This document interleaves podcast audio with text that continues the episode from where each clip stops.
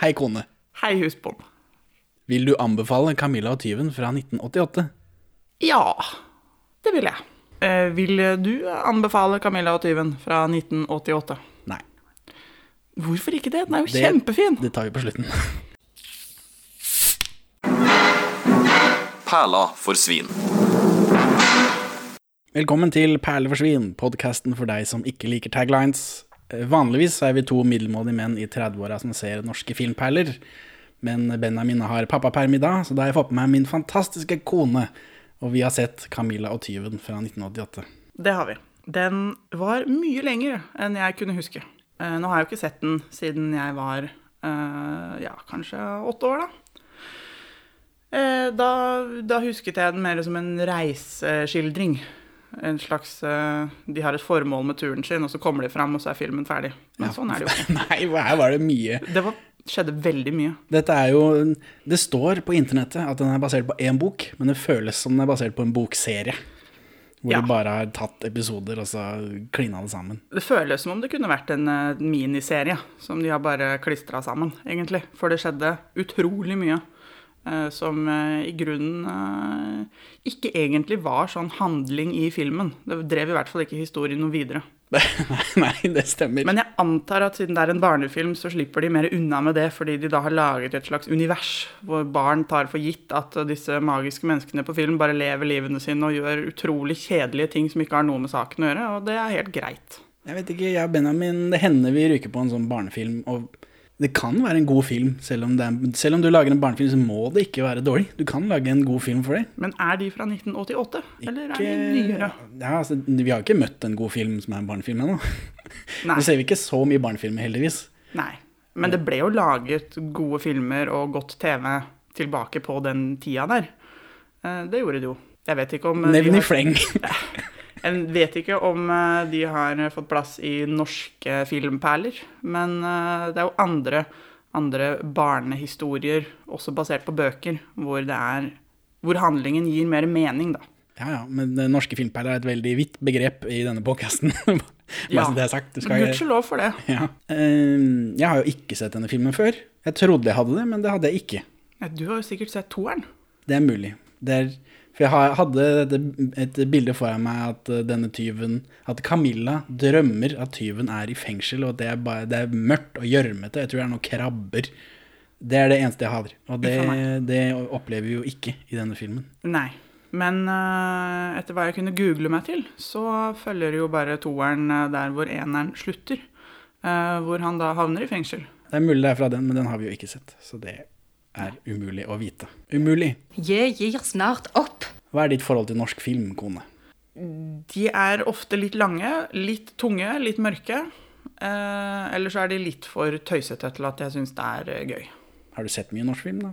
Jeg har sett akkurat så mye norsk film at jeg syns de er litt lange, litt tunge og litt mørke. Eh, men eh, nei, jeg har ikke sett mye norsk film. Jeg syns eh, det er litt rart med norsk film, for det er liksom de samme 12-13 skuespillerne som blir resirkulert i absolutt alt som fins, og det er eh, Jeg syns det er merkelig. Det går, spe, eh, Spesielt kvinnelige skuespillere går i perioder. Ja. De har veldig kort Ja, det, Det er kort dato på dem. Ja, men det er liksom i en seks-syv års periode så har du liksom eh, to-tre kvinnelige skuespillere som spiller i absolutt alt som blir laget, og så blir de borte, og så kommer det noen nye. Ja, men jeg kan på en måte forstå det, for de, de får en rolle hvor de eksploderer. Og så tenker jeg at nå må jeg liksom jobbe så jeg har noen kroner i banken her. Ja. Og så, og så tar de på seg alt de kan, og så får de, fordi de tar på seg alt de kan, så får de en tre-fire sånne bommer etter hverandre, og da er det ingen som vil ringe dem lenger. Og da er de på en måte ferdig. Ja. Det kan tenkes, ja. Nei, det høres eh, ikke usannsynlig ut. Eh, tror jeg, da, har jeg tenkt på i mitt stille sinn. Camilla og tyven er regissert av Grete Salomonsen. Som alle andre norske filmer så er dette en debutregi. Det er hennes første film. Men hun er en slags eh, Jeg vet ikke tusenkunstner om det ordet, men hun fikk, i 1971 så fikk hun sølvplate for LP-en 'Sanger for de små'. Ja, det dager. Så hun er syngedame, og så driver hun med teater, selvfølgelig, for det gjør alle som lager film i Norge. Ja. Og så regisserer hun litt her og der, da. Har hun laget flere filmer? Hun er mest berømt for Camilla og tyven, selvfølgelig, og oppfølgeren som kom året etter. Så her har de smidd mens, eh, mens jernet var varmt. Men hun har også laget Johan, barnevandreren, i 2010, som er en slags reunion-film, tror jeg. For det virker som alle som er med i Camilla og tyven, liksom stikker hodet innom. Men alle den. som er med i Camilla og tyven, er jo med i absolutt alle andre norske filmer som noensinne er laget. Nei, Morten Harket er bare med i Camilla og tyven 1 og 2, og Johan, barnevandreren. Ja, Og hun som spiller Camilla, hun er også bare med i Camilla og tyven 1 og 2, og Johan, barnevandreren. Nå skal det sies at Morten Harket sin rolle i Camilla og tyven var 100% overflødig. Totalt unødvendig. En av mange elementer som var totalt unødvendig overflødig i den filmen. Han har overhodet ikke noe annet der å gjøre enn å være gøy på håret og litt spretten. Han løper mye og er en sånn eh, litt sånn, sånn bajas-kjekkas som ikke bringer humor til filmen, men som ser ut til å skulle være et slags eh, gøy innslag. Ja, det er veldig rart. Jeg vet ikke hvorfor han var der. Han har ingen replikker. Han har, han har ingen replikker. Tre. Verken Tre replikker. minneverdig eller andre ting. Nei, jeg vet ikke. Han var jo Ja, vi, han var jo hot stuff. A-ha, denne Take On Me er jo i 1984. Ja da. De kan ha hatt han med der for at han lagde musikken og var flott å se på. Det er fordi han synger den sangen her, men det er veldig rart når liksom eh, du, er, er, du er på toppen av synge, syngeverdenen i Norge, og litt grann i utlandet, men det holder for å være i Norge. Og så, og så skal du ta steg over i filmen, og så tar du den rollen her. Ja, det er litt rart. Ja. Men nå har han jo ikke gjort noe annet, da, så det er tydelig at ikke eh, Jeg vet ikke, kanskje film ikke var noe fokus for den? Eh, Det virker ikke som om det var noe fokus for han når han spilte i Camilla og tyven heller. Nei. Det virket som om han tok på seg kostymet sitt og møtte opp, og det var det. Det Og så tror jeg. smilte han på de rette stedene og spratt litt. Ja, og kjørte motorsykkel. Ja, det, det var fint. Men eh, det, Camilla og tyven er basert på boka 'Den vesle jenta og den store tyven' av Kari Vinje. Bare den ene boka, tydeligvis. Eh, Også, Camilla og tyven er også innspill på engelsk. Simultaninnspill på engelsk. For det var noe man gjorde sånn på slutten av 80-tallet Jøsseball. i Norge. Eh, Orions belte er også simultaninnspilt på engelsk. Det er flott. Ja, veldig flott. Det har jeg aldri visst. Nei, jeg klarte ikke Jeg har ikke klart å finne noe klipp av det, men eh, det står skrevet. Så da må det jo være sant hvis det står på internett. Ja ja, er du gæren. Alt som står på internett er sant. Det vet alle. Ja, og jeg mener også det står at den er solgt til 33 land eller noe sånt nå, og det er sikkert den engelske versjonen da de har solgt. Ja. Men det er jo veldig mye av sånne eh, ikke-blockbustere som blir solgt til forferdelig mange land, fordi veldig mange land i verden kjøper eh, rimelige greier å vise på TV, da. Tenk om vi måtte bo Sofia. Da hadde vi sikkert sulta i hjel. Det sier i hvert fall tante Lovise. Veronica Flåt, som spiller Camilla, er i dag sosionom. Ja. Hun jobber i Bufdir, står jeg på internett. For det kunne faktisk Camilla vokst opp til å bli, tror jeg. Hun som har et sånt stort, varmt hjerte for tyver, er veldig flott. Ja, men hun var ikke så verst, syns jeg. Sånn, når jeg først eh, kom over det dialektsjokket, så syns jeg hun var en god og naturlig skuespiller. Det syns jeg òg. Det er noe jeg og Benjamin finner ofte i sånne filmer som dette, er at barn er ofte gode skuespillere, for de har ikke vært borti teater. Nei. De er ikke besudlet av teatret, som vi liker å si det. Nei, for det er en del av de voksne i den filmen der. De er veldig besudlet av teater. Absolutt. De, de, de er veldig, veldig teatralske, vil jeg si. ja, Eh, De er litt oppstyltede. det stemmer. Men det er en annen fyr som gjør debuten sin i denne filmen. Dennis Storhøy. Ja. Jeg vet ikke, Har du noe forhold til han? Overhodet ikke. Nei, han er fra Fredrikstad. Og det hører vi i den filmen her. Det er veldig rart. Jeg har sagt deg, vi trenger den pengene her til noe annet. Gå hjem nå. Ja, det er rart. Men For det det er, pleier vi ikke å høre. men det er mye rare dialekter generelt i denne filmen. Og en hel del mennesker, tror jeg, som prøver å ha en annen dialekt enn det de egentlig snakker. For det høres også litt sånn ut. Det er eh, ikke så veldig mange kjente tryner her, sånn, men det er ett kjent tryne som jeg ikke er vant til at hun har den dialekta. Turi Balke, hun som spiller kokka. Ja. Ikke, hun har tre linjer, da, men eh, fordi hun snakker vanligvis uh, bokmål, men her er det Jeg tror det er Kristiansand ja. språk det går på. Uten at jeg skal love det. Enten om det er Kristiansand eller Stavanger. Jeg vet ikke. De er på Sørlandet. Jeg får litt sånn Kaptein Sabeltann-følelse. Ja. Men den historien, da. Eh, eh, 90-tallets Aksel Hennie. Og han dro til Hollywood, hvor han spilte inn én film. Snakker vi fortsatt om Dennis? Dennis Storhøya. Greit. Ja. Hvordan gikk det med Dennis i Hollywood? Han spilte inn Den 13. krigeren, som er den største box office-bomben i 1999, med sine 129 millioner dollar i minus. Og Ja. det tok forferdelig lang tid å lage den. Jeg tror de spilte den inn, og så eh, rota de rundt et år eller to, og så måtte, de, måtte den historien komme tilbake og spille inn mer. Så, men eh, er, han som har hovedrollen i den filmen, er Antonio Banderas. Og den historien påstår at Antonio Banderas reddet livet hans under innspillingen, hvor han holdt på å drukne. Og Antonio da dro han opp av vannet. Altså, har eh, Antonio bekreftet den historien på noe tidspunkt? Mm, den historien var jeg veldig god venn med Antonio Banderas på dette tidspunktet, men jeg tror ikke Antonio Banderas har uh, ofret den historien i en tanke, verken da eller senere. Nei, nei, nei, men, eh, men tusen takk da til Antonio Banderas, hvis, det, hvis denne historien er sann. Det, ja, Det, det, det må vi jo si. På vegne av eh, oss alle, egentlig. Sett det treet der ute. Og du, Ole, sørger for å få det brent i morgen. Og så er det Morten Harkes debut, dette, Camilla og tyven. Og Harked har europarekord i å synge én og samme tone lengst på én topp 40-låt. Ja. Vil du gjette hvor lenge han holder den ene tonen i 'Summer Moved On'? Eh, om jeg vil gjette det? Nei, det vil jeg egentlig ikke gjette. 43 sekunder. Oh, 20,2 sekunder. Ja, ok. Så det var ikke så ille. Puslete, altså.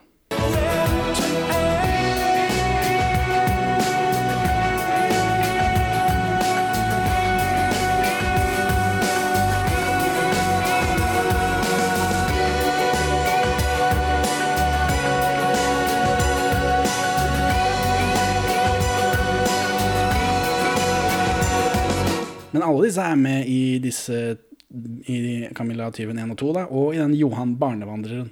Ja. Og den historien gjør andre ting også, da.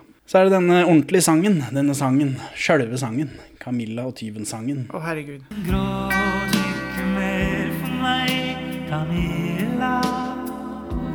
For mitt liv som tyve er. Å, det, det er grusomt. Å, det er forferdelig. Ja, du sier det er forferdelig fordi det er så rørende, ikke fordi sangen er så dårlig. Eh, nei, sangen er jo på en Altså, sangen er jo fin. Eh, helt uh, uavhengig av uh, filmen. Og sangen er, uh, sangen er jo heller ikke for lang. I motsetning til filmen. filmen blir litt lang, for den inneholder litt mye rør.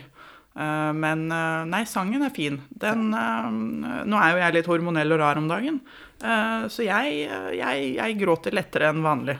eh, av denne sangen og mange, de fleste andre sanger, egentlig. Nesten alle sanger. Eh, og trenger ikke å høre dem engang. Holder å ha dem på hjernen. Ja, for denne sangen har jeg jo hørt, selv om jeg ikke har sett filmen. Så Den jeg tror gått. dette har vært noe. Den har gått på radio og sånn. Den kommer innimellom. Men den teksten er skrevet, da, eller hele sangen egentlig, er skrevet av Ragnar Bjerkreim, som lagde jinglen til Redaksjon 21, blant annet. Og så er det en annen sang i den filmen her, som jeg ikke har hørt før, som er en veldig, veldig dum Jeg er Camilla, hei, hei, hei. Ja, det var rart. En barne, barnebarnesang for barn av barn. Ja. Camilla, det er meg. Tra-la-la-la-la. Eh, og den er skrevet av Benny Borg. ja, det så jeg faktisk. ja, ba, ba, balladen om Morgan Kane, Benny Borg. Så han har gitt sitt bidrag her, da. Ja, det er bra. Kan vi gå på filmen, da, eller? Eh, Ja, det kan vi gjøre. Filmen går rett på Camilla, den lille jenta, som skuespiller så hardt hun kan, helt alene i et rom med noen dokker eh, ganske lenge. Så her, når jeg satt på dette, og så begynner hun med den eh, monologen sin, og så, det, ok, her må jeg ha på tekst. så forter jeg meg å sette på tekst. Ja. For jeg, det, det er ganske hard dialekt. Det, det, det er hardt. Det er vondt. Eh, Ja, du venner deg jo til det. Ja, ja. sånn, hvis ikke du er klar over det sånn til å begynne med, så, så må man skjerpe seg. Ja, men sånn er det hver gang jeg, vi ser noen sånne dialektfilmer, så tar det litt tid å komme inn i det. Og så har jeg også en teori om at eh, de, disse dialektene dekker over sånn dårlig skuespill, hvis det er dårlig skuespill. Det er derfor de snakker så rart på norsk film Jeg og vet TV. Jeg vet ikke om de gjør det med vilje, men jeg tror det bare er sånn det er. Tror jeg. Men som sagt, Camilla, ikke den verste. Jeg bare ble litt sånn sjokkert av, av, all, av den brede dialekten. Ja. Av veldig mye dialekt. ja. Og Camilla bor hos tanta si og onkelen sin, som er veldig rike, og, og tanta er veldig sint. Og så er det jul, Ja. og alt dette kunne de bare droppa. Ja, det kunne de egentlig. Eh, De har laget en eh, De har liksom introdusert oss for en del av Camillas historie som overhodet ikke er relevant Nei. for filmens handling i det hele tatt. Og denne sinna tanta, som er en sånn tante Sofie-type, Eh, hun er behøves ikke, egentlig. Men det gir jo mening, da, for at Camilla må jo bort derifra. Og hun rømmer jo ikke hjemmefra, for hun er jo en ordentlig snill og grei jente. Så hun må jo sendes bort av eh, grunner som hun ikke er skyld i selv. Men hun kunne jo bare være borte. De, hun og søstera kunne jo bodd i den der hytta i skauen eller hvor det er de borden. Ja, ja. Hele veien. De trengte ja. jo trengte ikke å sende henne bort. Nei, men hun har jo truffet denne på rømmen, da. Og det er jo derfor jeg husker det som en reiseskildring. Jeg husker jo at uh, disse to var uh, nærmest på rømmen sammen. For hun uh, reiser jo av gårde under dekka av å skulle på kostskole i Danmark. Det er jo dit hun, tante Louise vil sende henne. Mens onkel Ole syns det er så fælt. Så han ville sende henne til Camillas søster i stedet for. Som han har kjøpt hus til. Eller noe sånt noe. Det er veldig rart at hun bor hos de rike slektningene sine, og ikke bare, at ikke de bare sender dem eh, litt uh, ukepenger når de er så rike. Vi får ikke så, noe forklaring på det. nei, vi har jo fått en forklaring ved at den Camillas eh, eldre søster, da, som eh, bor eh, alene, eh, ikke har økonomi til å mette to munner.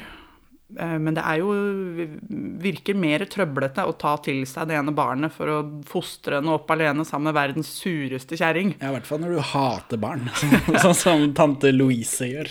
Ja, det virker rart, og det virker rart å ikke bare sende dem en, eh, noen sedler i posten eh, hver måned, på en måte, for å hjelpe til når man er så rik. Og han eh, onkel Ole er jo en grei fyr. Ja, for her sånn så sender onkel Ole sender et brev til denne søstera. Og så sier at å, du har fryktelig dårlig økonomi, og du kommer ikke til å klare det, og sånt, men dere bør kjøpe et hus. Og så viser det seg senere i filmen at det er han som har eh, kjøpt dette huset. Ja. Betalt for det. Eller det var, sto klart for deg, jeg skjønte det ikke. Jeg syntes det var veldig rart at han sendte det dumme brevet Ja, nei, når ikke de har råd eh, likevel. Nei da, han sendte et brev og sa at uh, dere, nå er det på tide at dere kjøper dere et hus og bor sammen her. Ja, så er det han som betaler for det. Ja, men hvorfor han ikke bare har gjort det med en gang? Ja. Det er jo rart at eh, Camilla da skal ha bodd hos dem og blitt plaget av tante Louise. Ja, og, også, og, alt dette vi snakker om nå, har ikke noe å si for filmen. Overhodet ikke. Det bare, oss, det bare fikk oss til å bli litt irriterte, egentlig. For at dette gir, det gir ikke noe mening. Og det, men jeg tror at det er det jeg mener da, med at de lager et sånt univers hvor eh, ting som vi tenker at ikke gir noe mening eh, Jeg tror kanskje ikke barn tenker så langt. At uh, dette, er, dette er ikke logisk. Hvorfor har ikke de voksne gjort sånn eller sånn?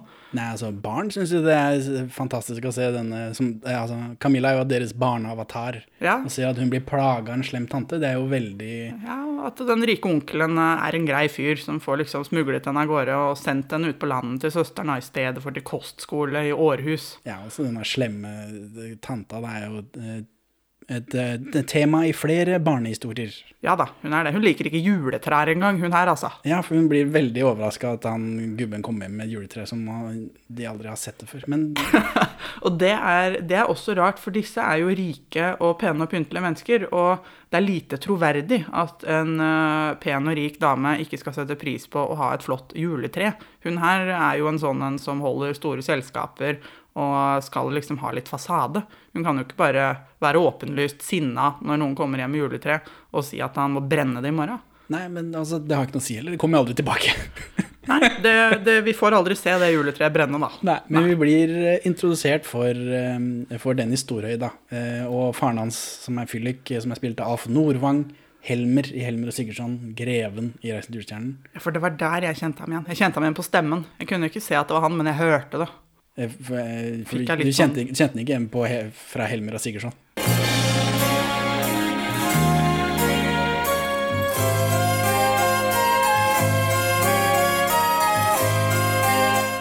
Det gjorde jeg ikke. Nei. Nei, de Ja, nei, det, uff. Unnskyld. Men og han også kommer aldri igjen.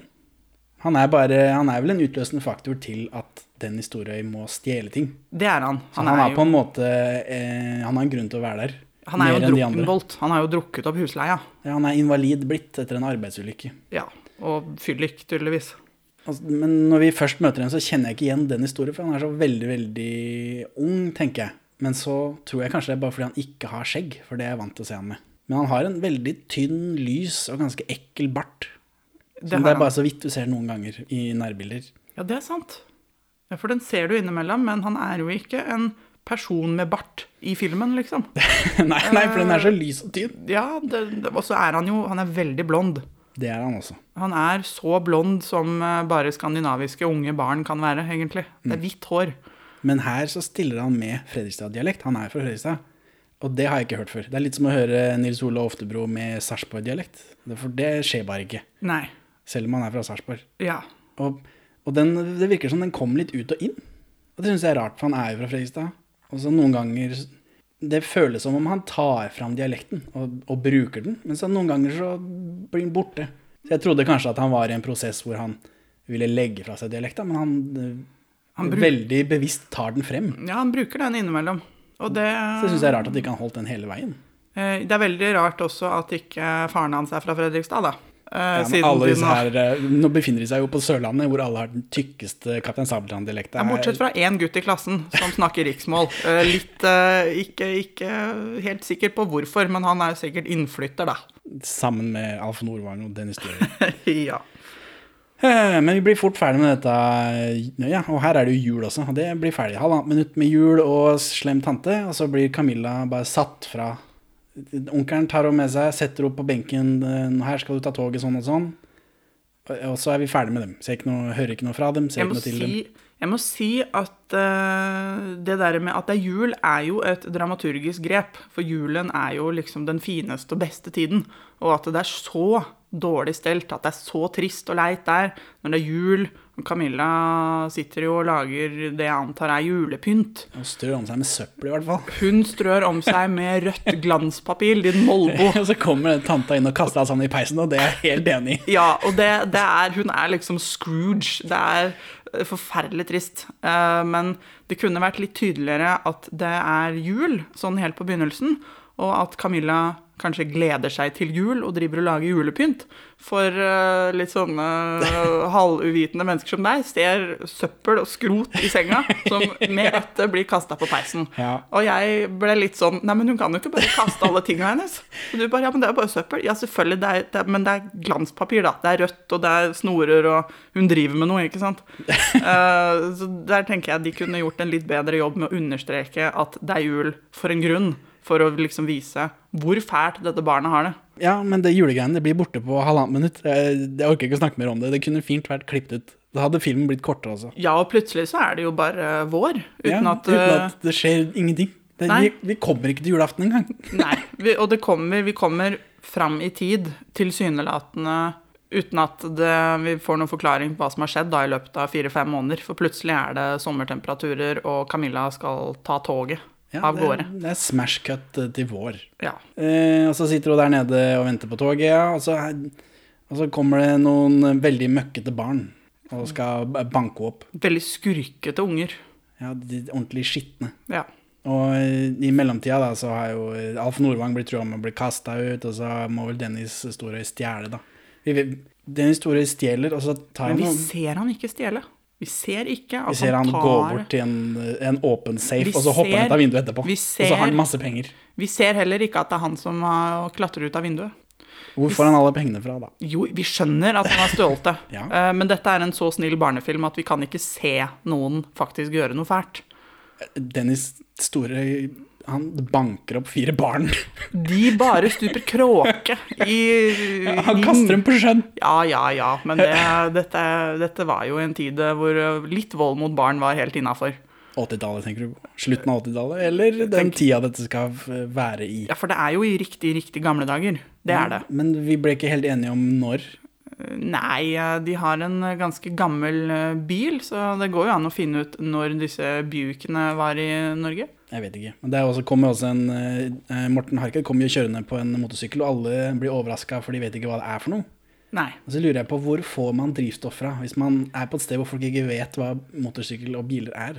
Nei, han har sikkert kjørt langt, da, han er Morten Harket. Jo, men hvor får man drivstoff fra? Hvor, for det er ikke bare å raffinere bensin. Uh, Nei, De det er gjør jo ikke. ikke det på Sørlandet, Nei.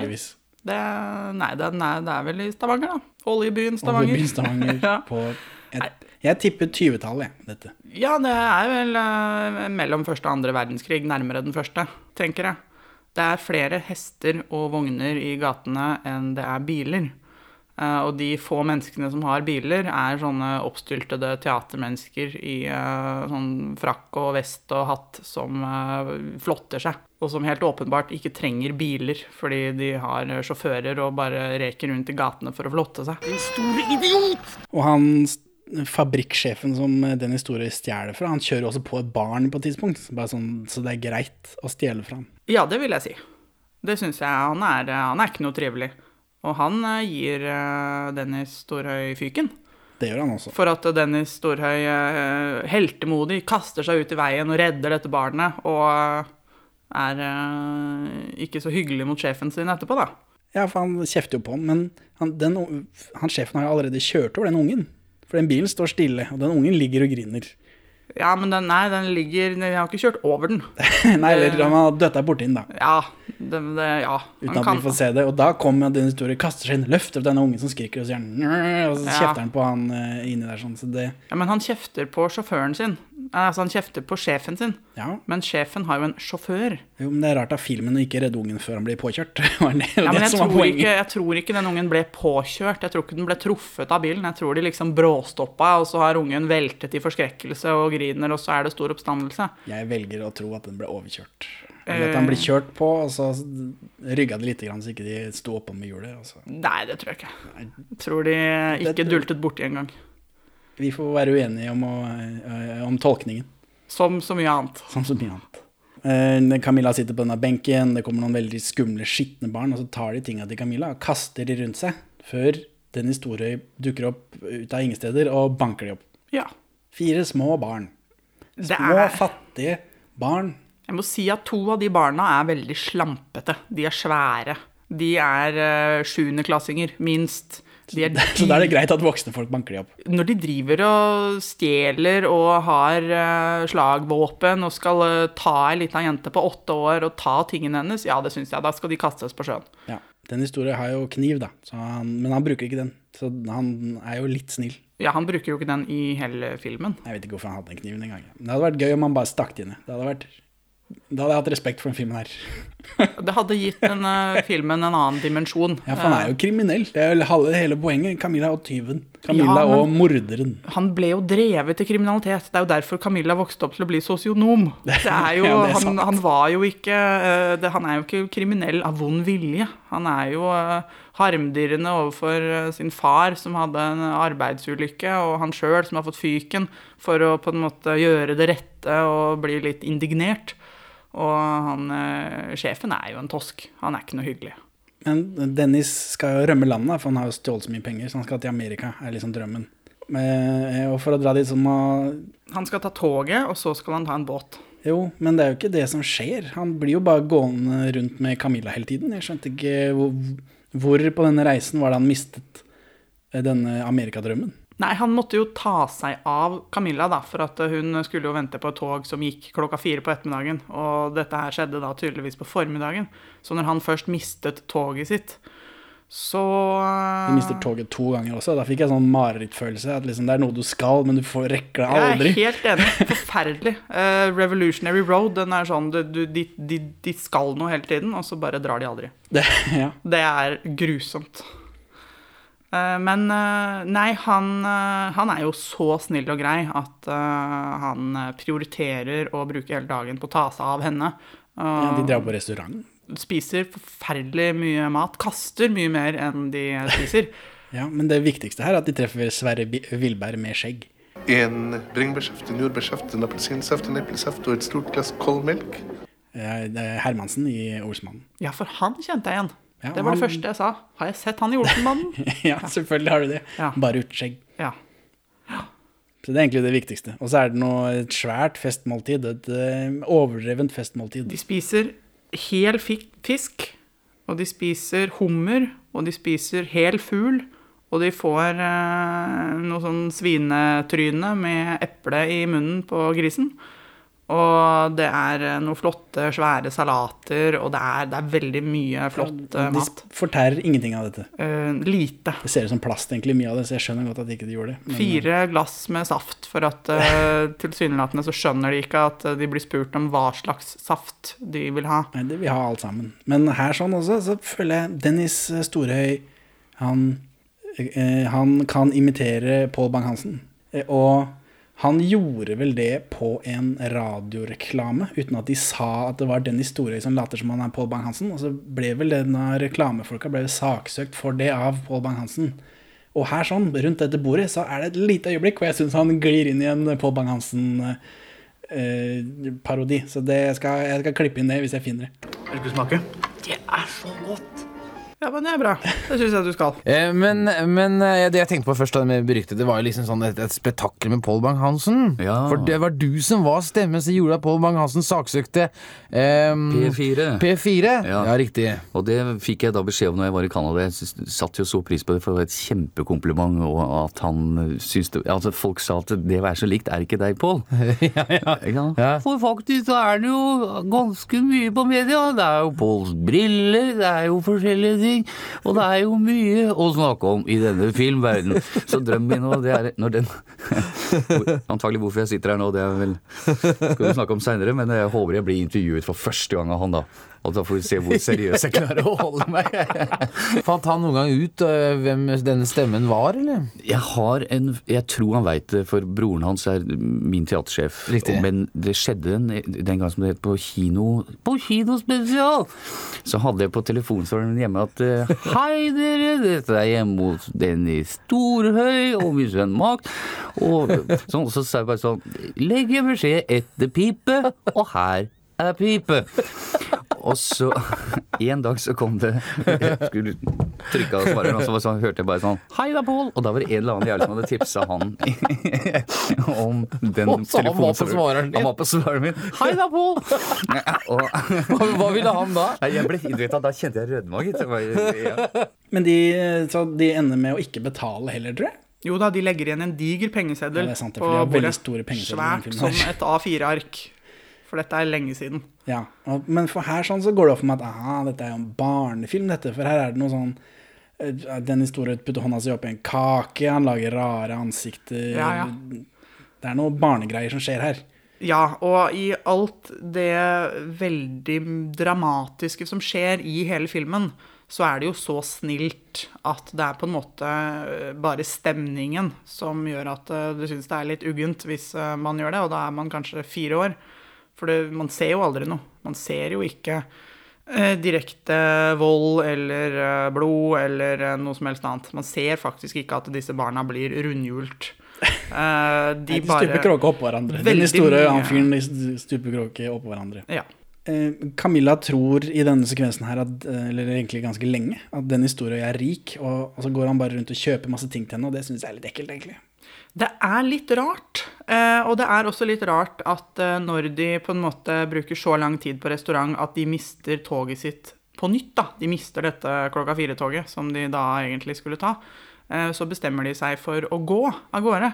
Og dette er jo da voksne Dennis Store med ei jente på åtte år med reiseveska si som går ut i skogen etter at han har brukt hele dagen på å spandere masse deilig mat på henne. Kjøpt masse, masse fine ting hun ønska seg fra butikkvideoer og butikkvinduer, og så går de ut i skogen. Og dette ser veldig rart ut for meg som er voksen. Ja, jeg likte det ikke. Nei. Og I hvert fall ikke med den der ekle barten hans. Men han er jo grei. Det er jo på en måte Ja, det er jo bare flaks for Camilla. jo, Ja, det er bare flaks. Og heldigvis så blir det nevnt av denne søstera senere i filmen at eh, vær så snill, ikke følg med fremmede neste gang, så kan det gå galt. Ja, Hun sier jo det kan hende de bare er ute etter å lure deg. Uh, og det, det er fint. Det er et, uh, det er et gyldig poeng. Det hadde Eh, vært, uh, det hadde vært eh, feil av filmen å ikke ta det opp på noe tidspunkt.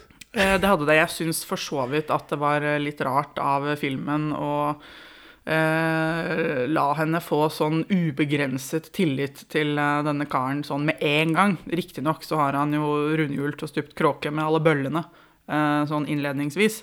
Eh, reddet henne fra den visse hva det nå er for slags fæl skjebne de hadde sett seg ut for henne. Eh, men eh, det er noe litt sånn rart over det. Hans motiv for å ta seg av henne og skrote hele amerikaferden sin for å gå på restaurant med ei jente på åtte år, og følge henne da til fots til hennes eh, destinasjon, også litt rart. Ja, det er, det. Han er jo satt opp som veldig snill, da. Så jeg liksom jeg trøster meg med det, på en måte. Men så syns jeg også at de blaserer over den eh, når søstera sier etterpå at eh, det der, du kan ikke bare være med fremmed ut i skogen. Og så, svarer ikke hun på det, hun bare begynner med noe annet. Det blir liksom glemt så fort. Ja, jeg syns det- den eh, advarselen burde komme først. Ja. Før hun går med han ut i skogen, og så får han heller overbevise henne, eller noe sånt. Jeg vet ikke. Jeg vet ikke, Er det noen riktig måte å gjøre dette på? Hadde, hadde filmen blitt laget nå, så vil jeg anta at uh, Camilla hadde vært litt mer street smart. For hun er jo uh, veldig, veldig føyelig og naiv og koselig. Eh, og antar at eh, de fleste er greie, med mindre de kommer mot henne med en kjepp og et stygt blikk.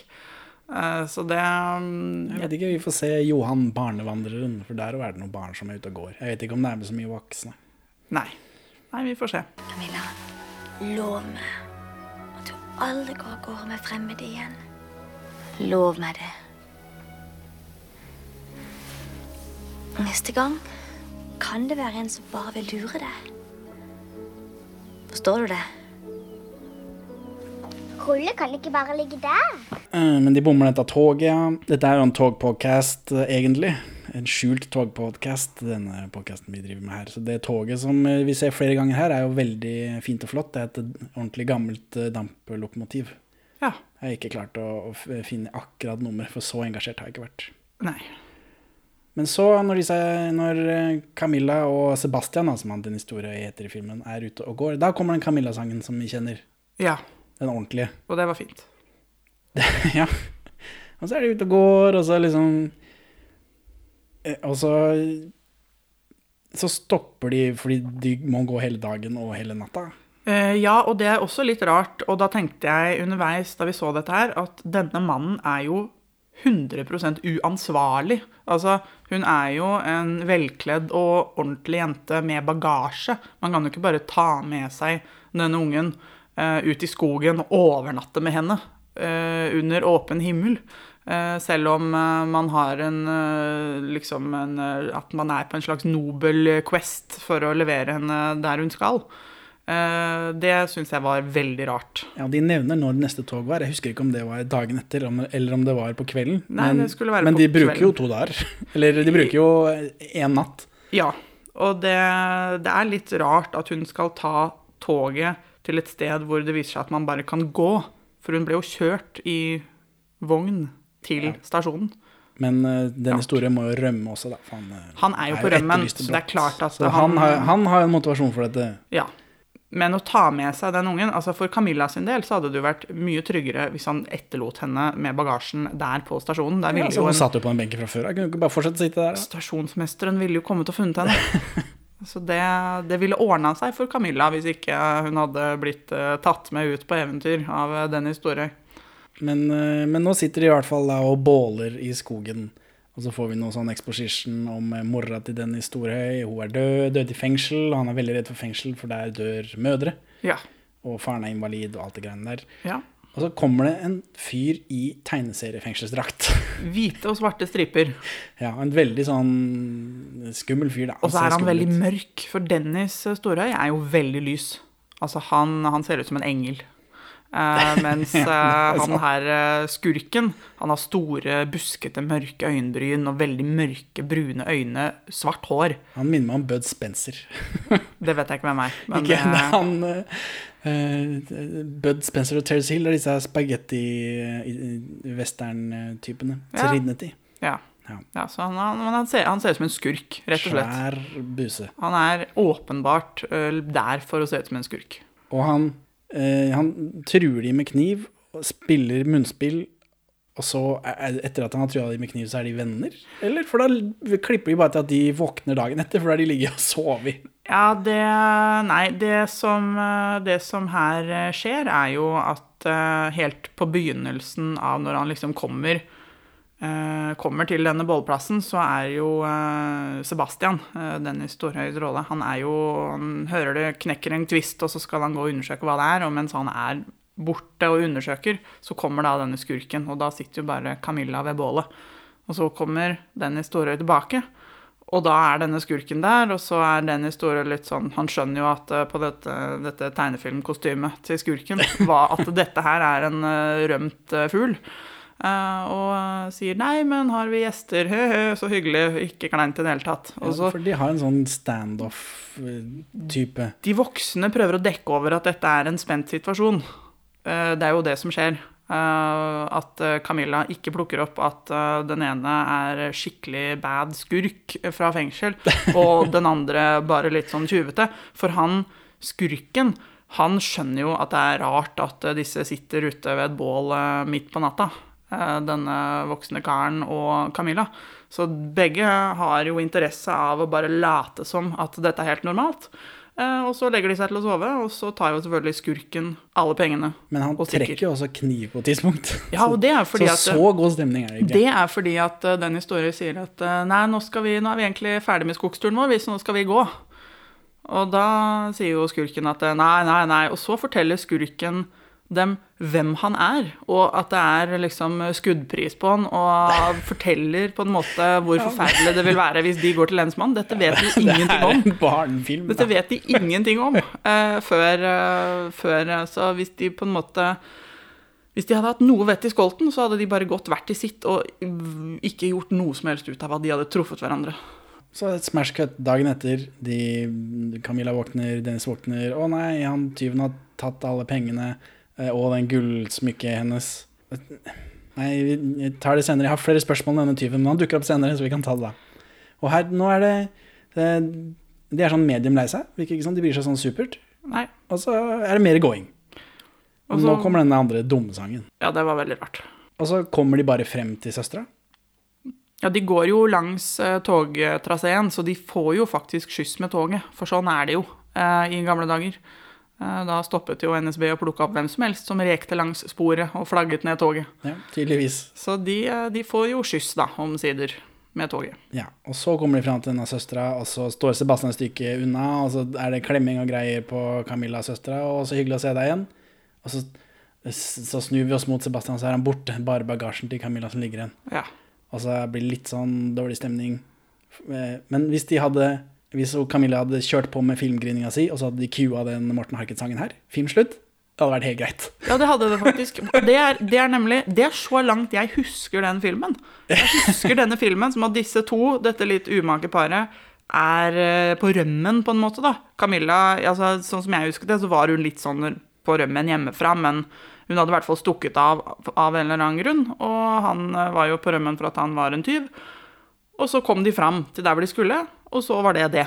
Ja. Det var på en måte reisen. Hadde fått nøyaktig samme melankolske følelsen som du har på slutten. Ja, ja. På slutten av filmen på ordentlig, om de bare hadde kutta det her med den sangen. Det hadde vært eh, helt fint. Ja, så hadde de spart seg en time. Det hadde de gjort.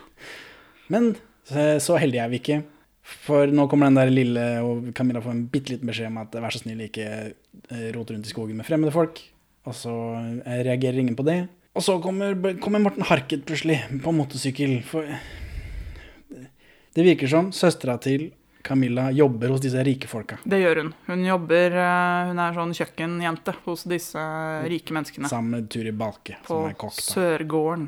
Og så eh, dattera i, denne- i det huset der sånn, hun skal gifte seg med Morten Harket. Dagen etter. Ja, Det får vi ikke beskjed om her. Det bare skjer. De gifter seg plutselig. Altså, da, ja vel, ja. Det er, det er derfor Morten Harket er her. Ja. Han er vel, ja, han er vel kommet eh, fordi at nå skal de gifte seg, tror jeg. Ja, for han kom med denne motorsykkelen med sidevogn, og så kjører litt rundt. Og så driver Dennis Storøy og sniker seg rundt og stjeler ting. Han stjeler en hest og en skinke. Og Ja. så, og så rir han av gårde. I motsatt rekkefølge, vil jeg påpeke. Eh, først stjeler han en skinke når alle er opptatt med noe annet. Han kunne helt fint bare sneket seg inn på dette stabburet, tatt så mye skinke han greide å bære, sneket seg tilbake igjen og bare blitt borte. Ja, men han tar én stusslig skinke, og så har han en Han har noe på hodet, jeg er ikke helt sikker på hva det er for noe. Det er noe Han blonder og noe greier. tar på seg et slags putevar for å være anonym. Eh, for å dekke over det faktum at han mesteparten av de neste ti minuttene er en stuntrytter, tenker jeg. Det er nok mest derfor, men eh, sånn inni filmen så vil jeg si han stikker seg mer ut enn om han ikke hadde hatt det butoaret på hodet. Ja, men det er klart, han går jo også da med denne stjålne skinka midt ut på gårdsplassen, hvor alle er, og stjeler en ferdig oppsalt hest som står og spiser plen, og skal galoppere av gårde med denne skinka, og lage et kjempeoppstyr eh, ut av det faktum at han da stjeler. Og Morten Harket setter dette på motorsykkel med den kommende kona si i sivogna. Ja. Og hun hyler og skriker. Nemlig. Du som uh, rir hest, eh, Ja.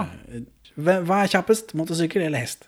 Eh, det spørs jo litt eh, på underlag. Hvis du skal i ulendt, ulendt terreng, da ville jeg brukt hest. Men hvis jeg skulle stukket av med en hest fra en motorsykkel, så ville jeg jo tatt av fra grusveien og bare ridd gjennom skogen. Ja, Hvor fort går en hest, da? Eh, nei, de løper jo i 70 km i timen hvis du har en som er veldig kjapp. Men hvis du, har, hvis du har en som er sånn medium kjapp, da, sånn som eh, hester eh, på gårder i Norge for 100 år siden, så kunne det gå i 40-50 hvis de hadde fått Hvis de får litt plass.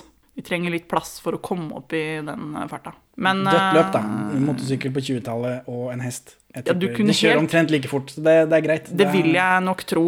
Poeng Og, til filmen. eh, Ja, det, det er Og så er det jo noe med at uh, en hest på rømmen fra en motorsykkel vil jo også bli skremt av å bli forfulgt av en motorsykkel, da. så den løper jo fortere enn den ellers ville gjort.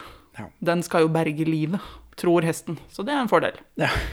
Men den historien, han pælmer seg av den hesten og, og kommer seg unna på den måten, da. Ja, det virker ikke som Morten Harket uh, merker det. Nei, han hopper av i fart, så han har jo da fått et så stort forsprang på disse sandveiene gjennom skogen at han kan hive seg av i fart i, en sving og gjemme seg i buskaset. Og så løper jo hesten videre, da, og så kjører jo bare Morten Harket forbi. Og så går Dennis Store inn i skogen, og så tar han dette strengt tatt stusslige kjøttstykket han har stjålet, og så kaster han det ned på bakken foran den fangen i uh, tegneseriedrakta si. Ja, for disse er blitt kompiser. Ja, det her, dette Nå skjønner jeg ingenting. Det er rart Ja, Vi får ikke noen forklaring på hvorfor disse ikke bare har latt hverandre i fred og gått hver til sitt. Hva får de ut av Ja, å slå seg sammen? For her tenkte jeg, har de vært uh, Har de vært kompaner hele veien? For da ville det vært rart at han tok av med penger, pe- pengene hans. Med Ja. pengene til den historien. Ja, Og har den historien da etter dette sporet opp denne tyven, og så blir de enige om at, de kan, at han kan Så blir, sier tyven ja, du kan få halvparten av pengene dine tilbake hvis jeg får en stusslig skinke. Nei, de, de må dele på de pengene, fordi de blir jo enige da i skogen om at uh, disse pengene er jo rappa. Uh, Dennis Store sier det er mine penger, det var jeg som rappa dem. Og så sier han skurken at uh, Det er mine penger, jeg har kniv, sier han da. ja, Han sier at jeg òg rappa dem. Uh, jeg rappa dem av en rik mann i skogen. altså.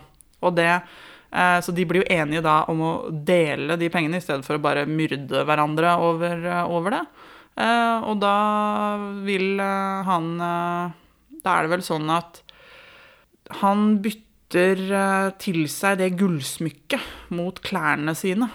Den historien, ja. Så han får sånn tegneseriedrakt. Men, men før de kommer så langt, skjønner jeg heller ikke hva han Jeg skjønner ikke hva han, hva han skurken får ut av det. Han mister jo bare halvparten av det han akkurat har stjålet. Ja. Og, og så får han en skinke, da. ja, men han får klærne til Dennis Storøy. Ja, men det er jo et annet bytte. Det er jo etter dette. Jo, men uh, Nei, Hva de- skjedde før? Hva skjedde offscreen? Hvorfor er de venner nå? Ja, Nei, det vet jeg ikke. Men begge har jo noe den andre vil ha. For han skurken har jo alle pengene til Dennis Storøy. Og samtidig så vil han ha dressen til Dennis Storøy, så han slipper å se ut som en karikatur av en rømt fengselsfugl. Ja, men dressen er, det er et annet bytte. Før dette så, det, så får Dennis Storøy halvparten av pengene sine tilbake mot en skinke. Jeg skjønner ikke. Det er Nei, det Jeg skjønner er ikke hva som skjedde før det, som gjorde at dette virket som et godt bytte. For det er helt utrolig mye penger, tydeligvis. Fordi den historien sitter igjen med halvparten, og det er utrolig mye penger, Ja. sier de senere. Ja. Så, ja. Men Det det er, er ikke meninga jeg skal tenke så mye på det. Nei, det er nok, eh, det er nok eh, bare også litt sånn generaliserende at eh, hvis man først er litt skurkete, så omgås man andre skurker. Kanskje. Men eh, Dennis eh, ja, Han bytter jo disse klærne eh, for at han skal få tilbake denne gullklokka, da, som er veldig storhjertet av han. For det er jo det er noe Camilla har fått av mora si, og mora hennes er dau. Og han klarer jo faktisk ikke å stjele fra et barn. Dennis. Han klarer å stjele skinke fra gården, han klarer å stjele pengene til sjefen sin, og han, eh, han får til ganske mye, men han klarer ikke å stjele fra et barn. Han er veldig snill. Så, men da kommer eh, Sebastian stikker da innom uh, uh, Camilla. For Camilla driver og roter rundt i huset alene fordi søstera er på jobb, antar jeg. Det er nok riktig. Og så kommer han innom, han ser ut som en sånn tegneserietyv. Og så får han Camilla til å kjøpe klær til han. Ja. Med, hans, med sine penger. Altså Sender- med, med den historien sine penger. Ja, eller halvparten av de pengene han stjal fra sjefen sin, da. Ja, ja. Det er jo penger han har stjålet. Men, eh, så da er dette tegneseriekostymet borte. Det trodde jeg de skulle bruke til noe. Nei, det skulle ikke. Det var bare for å understreke at han der svære, skumle typen var en skurk på rømmen. Jeg skjønte ikke hvorfor de måtte bytte de klærne. Nei, det gir jo ikke noen mening, annet enn at uh... Jeg trodde noen skulle se han i de klærne. For det er jo så, åp det er jo så karik karikerte. Men det han, sier, det han sier til Camilla, er at uh, for, som forklaring på hvorfor han har på seg disse stripete klærne, er jo at han måtte bytte bort klærne sine for å få tilbake smykket til Camilla. Ja, det stemmer jo. Ja, For en gangs skyld ikke en løgn. Nei, og det, det forteller oss jo når han er villig til, når han er en tyv på rømmen, er villig til å kle seg i svarte og hvite striper for å få tilbake smykket som er blitt stjålet fra denne unge jenta. Herregud. Altså, det går nesten ikke an å bli så snill. Nei, det er sant. Men i mellomtida, da, mens dette skjer, så finner søstera til Camilla ut at uh, den historien er ettersøkt. Ja, for kokka leser i avisa. Ja. Leser om begge disse to. Joakim Jensen, det er han der svære bukkøyenbryn-skurken. Og Dennis Storøy, da. Sebastian. Ja, for de, hele tida så tar de opp at begge disse tyvene Så jeg trodde at det skulle være noen sånn eh, forviklinger. Som det ofte er i norsk film, at Storøy eh, At folk er ute etter Dennis Storøy fordi de forveksler han med denne andre skurken, som tydeligvis er mye verre. Mye verre. Men, eh, men det Og skjer har ikke. kniv. Truer folk med kniv. Det er mye verre. Ja, det Nei, det skjer ikke. Så dette, dette bruker de ikke til noe. At det faktisk er to skurker der ute. Og han eh, superskurken, da, hvis vi kan kalle han for det, han som tross alt har rømt fra fengsel og ser fæl ut, han gjør jo ikke så veldig mye mer ut av seg enn å stjele litt sølvtøy. Ja, men sånn, når de har bytta klær nå, og han har fått tilbake det smykket, så går han uh, ordentlig skurken. Så tenkte jeg ja, ja, ha det ordentlig skurk. Men nei da, han er der fortsatt. Han det henger liksom rundt der. Ja. Ut. Ja, det, noe, det er ikke noe grunn til det. Det kan hende at dette bryllupet er en slags attraksjon for skurker, fordi da er det så innmari mye mat på gården, og så har de fram og pussa alt det flotte sølvet sitt. De går i bunad. De er veldig fine. Så det kan hende at eh, det er eh, på en måte det som eh, trekker skurker til området, da. Hvis det er festivitas, da har du mange mennesker samla på ett sted. Har du mange riksdaler, mange lommebøker og mye Ja, ja, det kan hende, men det har ikke noe å si for filmen, på en måte. Altså, Dennis som har jo stjålet. Dennis Store har jo stjålet. Ja. Det at han Jeg tror han får skylda for eh, dette sølvtøyet og sånt, noe som han, han ordentlig skurken stjeler, men det har jo ikke noe å si, for den historien har jo stjålet allerede. Kunne fint kutta han, så hadde det spart deg ti minutter, de, Ja. den siste biten. Helt riktig. Men samme det, fordi eh, den historien får klær av Camilla, og så sier han 'Å, jeg er så trøtt, jeg må gå og legge meg', og så rømmer han Ut soveromsvinduet. igjen. Og da, når søstera kommer hjem, da er veldig bekymra fordi hun har hørt rykter om at det er folk på besøk eh, hjemme hos Camilla, så Ja. blir hun veldig letta fordi han er ikke der. Eller mm, Og så tror hun at i alt bare var oppspinn fra Camilla sin side. Helt til de finner dette tegneseriedrakta liggende på gulvet. Og da klipper vi hardt klipp til en kavalkade av dårligere barneskuespillere. Ja. Og den ene er dårligere enn den andre, og kameraet går liksom rundt i ring, og vi klipper fra den ene til den andre, og de upper hverandre i dares. Ja. Sånn, øh, øh, på vegne av Camilla, for hun sier ikke noe. Nei, Camilla er eh, stum av eh, skrekk. For eller- Camilla har jo nå eh, fått rykte på seg for å ha jaget tyven. Og så er det en sånn tjukkasunge der som eh, er veldig tøff, da, som vil være så tøff som mulig. Og så driver de oppå hverandre. Han vil være den modigste, for det, er noen, det begynner med at noen sier at Camilla er den modigste blant oss. Og da, det kan ikke han eh, gå med på. Nei. For han, ah, kan gå på kirketaket, han kan synge 'Ja, vi elsker' utafor lensmannskontoret eller noe sånt, Utenfor når han skal sove middag. Ja, utenfor vinduet til lensmannen når han skal sove middag. Ja, og så er, og så har Camilla har en sånn hypeman ved siden av seg som sier Ja, men Camilla, hun kan gjøre sånn og sånn'. Hun kan balansere på taket av skolebygget, og det er ikke måte på hva Ja, da ble jeg veldig bekymra. Skal de liksom sende denne ungen opp der nå? Men det hoppa de bare over. For det har vi sett. Det har vi sett i Marken. Ja. Forferdelige greier. Ja, Skrekkelig dramatisk. Og det hadde vært Det er mulig å bevise, tenkte jeg. Liksom. For nå har det vært sånn Ja, hun, hun liksom jaga tyven, banka opp tyven og så jaga han ut. For det kan du ikke bevise. Men klatra på taket, det kan vi faktisk gjøre. Men det, han eh, tjukke, svære bølletypen, han eh, tar ikke notis av det. Han fortsetter bare å, å, uppe. Ja. Så Og det ender jo opp med at hun skal sitte inne i Simenstua. Det, der, det er da et haunted house på denne gården. Ja, for det har de nevnt litt tidligere, at det er derfor hun søstera fikk så det huset de bor i, så billig. Fordi huset ved siden av er hjemsøkt. Ja, det er ingen som vil ha den der stua som søstera bor i. Så hun skal da sitte i Simenstua klokka tolv om natta. Og det neste her er jo også veldig rart, fordi de er i bryllup. Ja, Eh, for nå er det bryllup. jeg har, hørt, jeg har hørt at eh, brylluper i gamle dager varte tre dager til ende.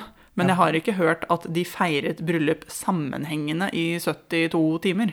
For det gjør de tilsynelatende her. Det her- føles i hvert fall sånn, for vi søren så langt i den der eh, sekvensen hvor det er bare masse par i bunad som går på en gressplen. Veldig mye greier. Veldig mye sånn festbord i hagen og bryllupspar og sang og dans og sånt. Og så skal disse ungene samle seg, og da er klokka elleve om kvelden. Og det er rart, for det er midt på lyse dagen, og de spiser lunsj. Ja, det er jo sol, da. Ja, det er de har lys. ikke giddet å satt et sånt eh, blått filter over kameraet engang for å fake kveld. Det syns jeg er litt merkelig. Og så senere, det blir da en time senere, når klokka nærmer seg tolv, og hun skal ut der sånn, så er det, går hun ut, og det er mørkt, men det er jo skygger overalt, så sola er jo ute. Ja da. Og det er heller ingen som uh, syns at eh, de ungene skulle gå og legge seg, da. Selv om sånn er eh, det når det er fest, tenker jeg. Det føler jeg at jeg har vært med på, eh, kanskje. Ja da. Jo da. Det Nyttårsaften, kan, liksom. Ja. Så svimer du av sånn rundt eh, halv ti, da, men det er fordi du har barn. Ja. ja.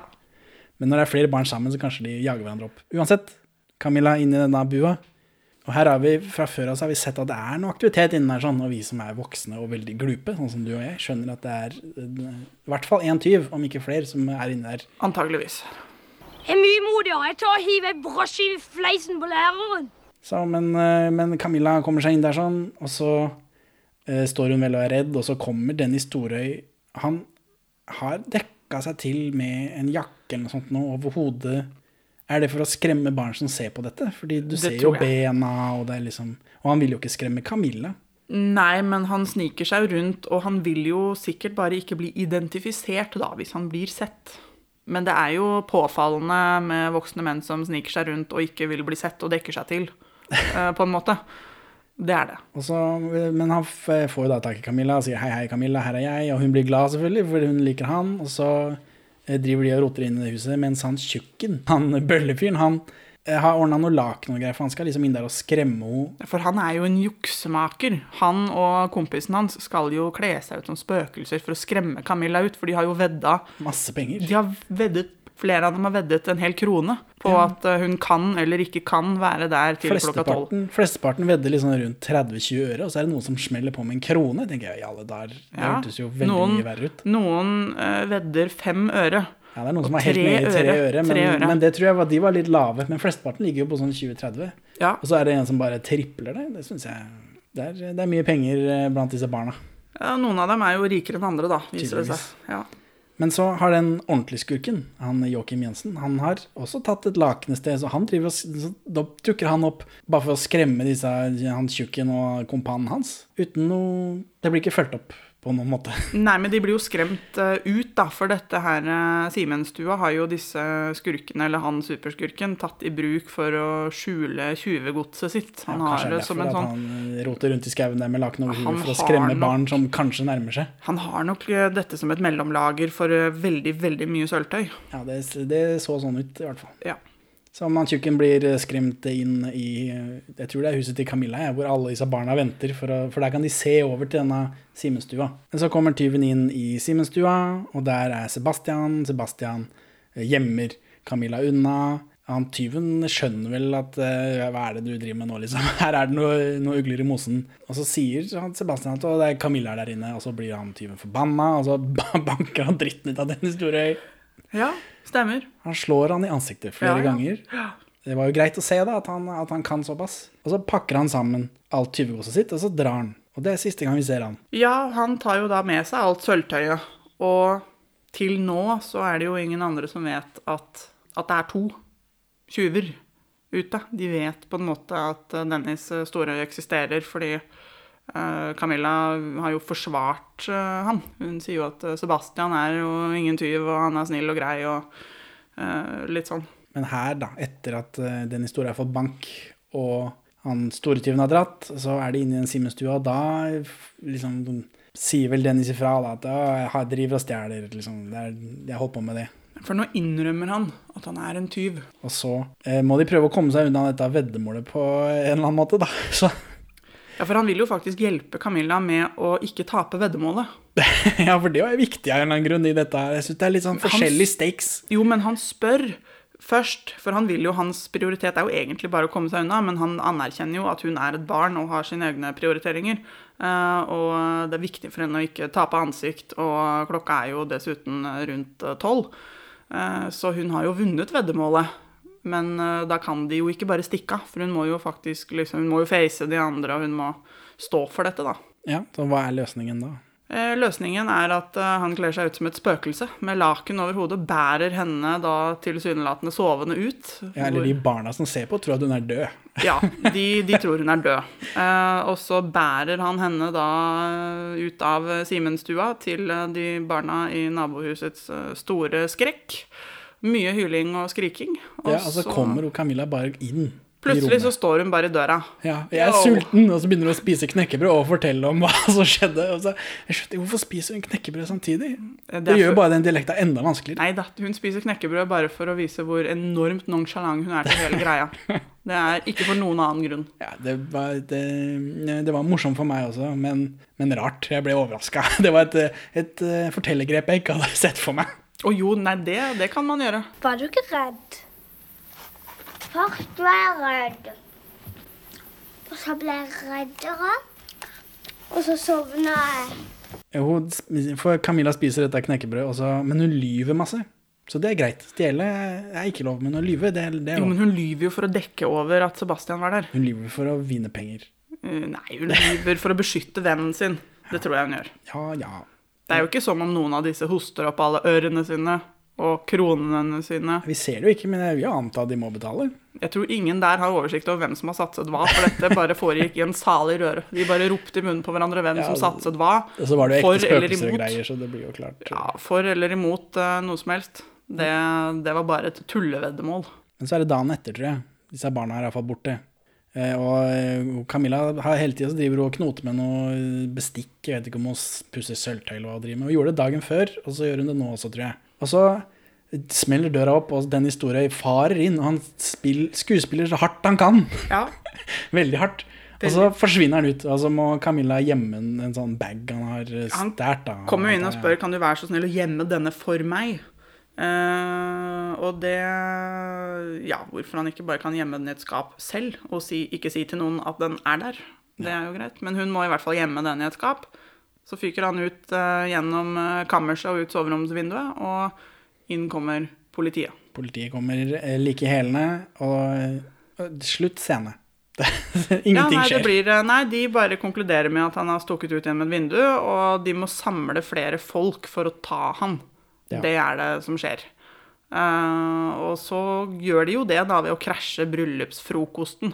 Og beordre bryllupsgjestene til å skjerpe seg og gripe kjepper og høygafler. Ja, men det er dagen etter, etter at Dennis Storhøy eh, brenner bål helt uten grunn i hagen. Stemmer det, for han, eh, sier det, han sier det at uh, Jeg rydder opp etter meg, sier han. Han Jo, men de kommer jo i feststasen sin. Ja, ja, etterpå, fordi det er frokost, det stemmer det, men det er, jeg tror det er dagen etter eller noe sånt. Ja, Eller ok, det er, I så fall er det veldig uklart, for det er jo For det som skjer nå, er at han stikker ut av vinduet, og Ja. neste scene er at han brenner bål, og det tror jeg var på morgenen. Ja, det er morgenen etter, selvfølgelig. Ja, dette er jo da på ettermiddagen. Ja, nei, nei, det er greit. Så nå er vi på dag tre, og da er det bryllupsfrokost. Da, det virker sånn. Ja. Sånn oppbruddsfrokost, kanskje. Ja. Men før vi kommer så langt, da, så er det Dennis brenner bål. eh, sier Camilla at- kommer innom. Han sier at han må rydde opp Han driver og rydder opp etter seg nå. Også, Jeg vet ikke hva det betyr. Nei, han brenner masse pinner, og da tenkte jeg jøss, brenner han alle pinnene han har samlet i denne filmen? Det har jeg ikke fått på meg. Det var rart. Han øh, brenner pinner i et bål og er litt, øh, litt melankolsk. Jeg syns han liksom er litt sånn Nå må han rydde opp etter seg. Han sier at han har bestemt seg for å flytte. For Dennis vil ikke stjele mer, kommer det fram her. da. Så han har jo da eh, sett uh, the er- error of his ways. Ja. Men det som skjedde rett før dette, var jo at han nesten ble tatt. Så det virker som det er derfor han har ombestemt seg. Ikke fordi han har blitt så god og snill, eller fordi Camilla har fått han til å se hvor galt det er å stjele. Det er fordi han nesten ble tatt. Jeg tror det er at han nesten ble tatt, og at han rett og slett ikke orker mer. Det virker eh, som om han syns det er veldig slitsomt å være tyv, å være på rømmen. Eh, jeg tror det er det som eh, på en måte skjer, da. Og at hun eh, Camilla stadig dukker opp eh, og har trua på han som menneske, tror jeg bidrar eh, til at han syns det er for slitsomt å være en tjuveradd. Og så sitter de rundt dette bålet, og så bestemmer de seg for å lage en drage. Og her har jeg notert denne filmen slutter aldri. Nei.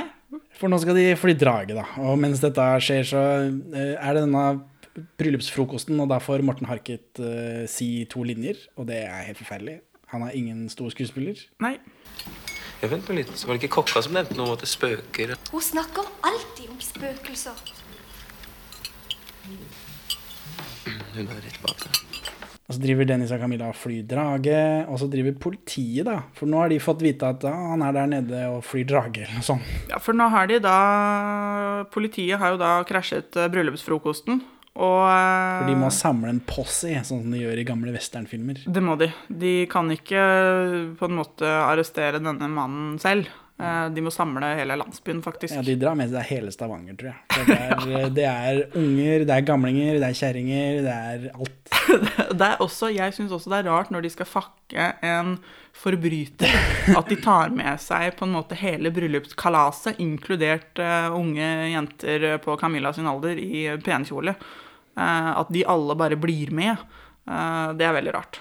Men det er noe sånn, sånn det går, da. Og de, eh, de er sånn eh, Frankenstein-landsbybeboere. De er veldig hytter med ting. De har pinner og De har tatt med seg sånn. kjepper og høygafler, det har de gjort. Og så virker det som Morten Harket holder de tilbake, uten at vi egentlig får noe forklaring på hvorfor eller hva det er han driver med. Det er bare et kort klipp hvor han liksom stagger dem litt. Han skal sikkert prøve å få dem til å ikke drepe denne Storhøy, tenker jeg. Jo, jo, men det kommer liksom ikke fram. Det er ikke som, Han har jo ikke noen grunn til det. Nei, han er jo den første til å reise seg opp og si ja, nå tar vi den. Ja, hvorfor i all verden har de tatt med seg en sinna mobb hvis de skal holde dem tilbake? Hva i all verden trenger man en sinna mobb til? Hvis ikke. ikke de får gå til angrip.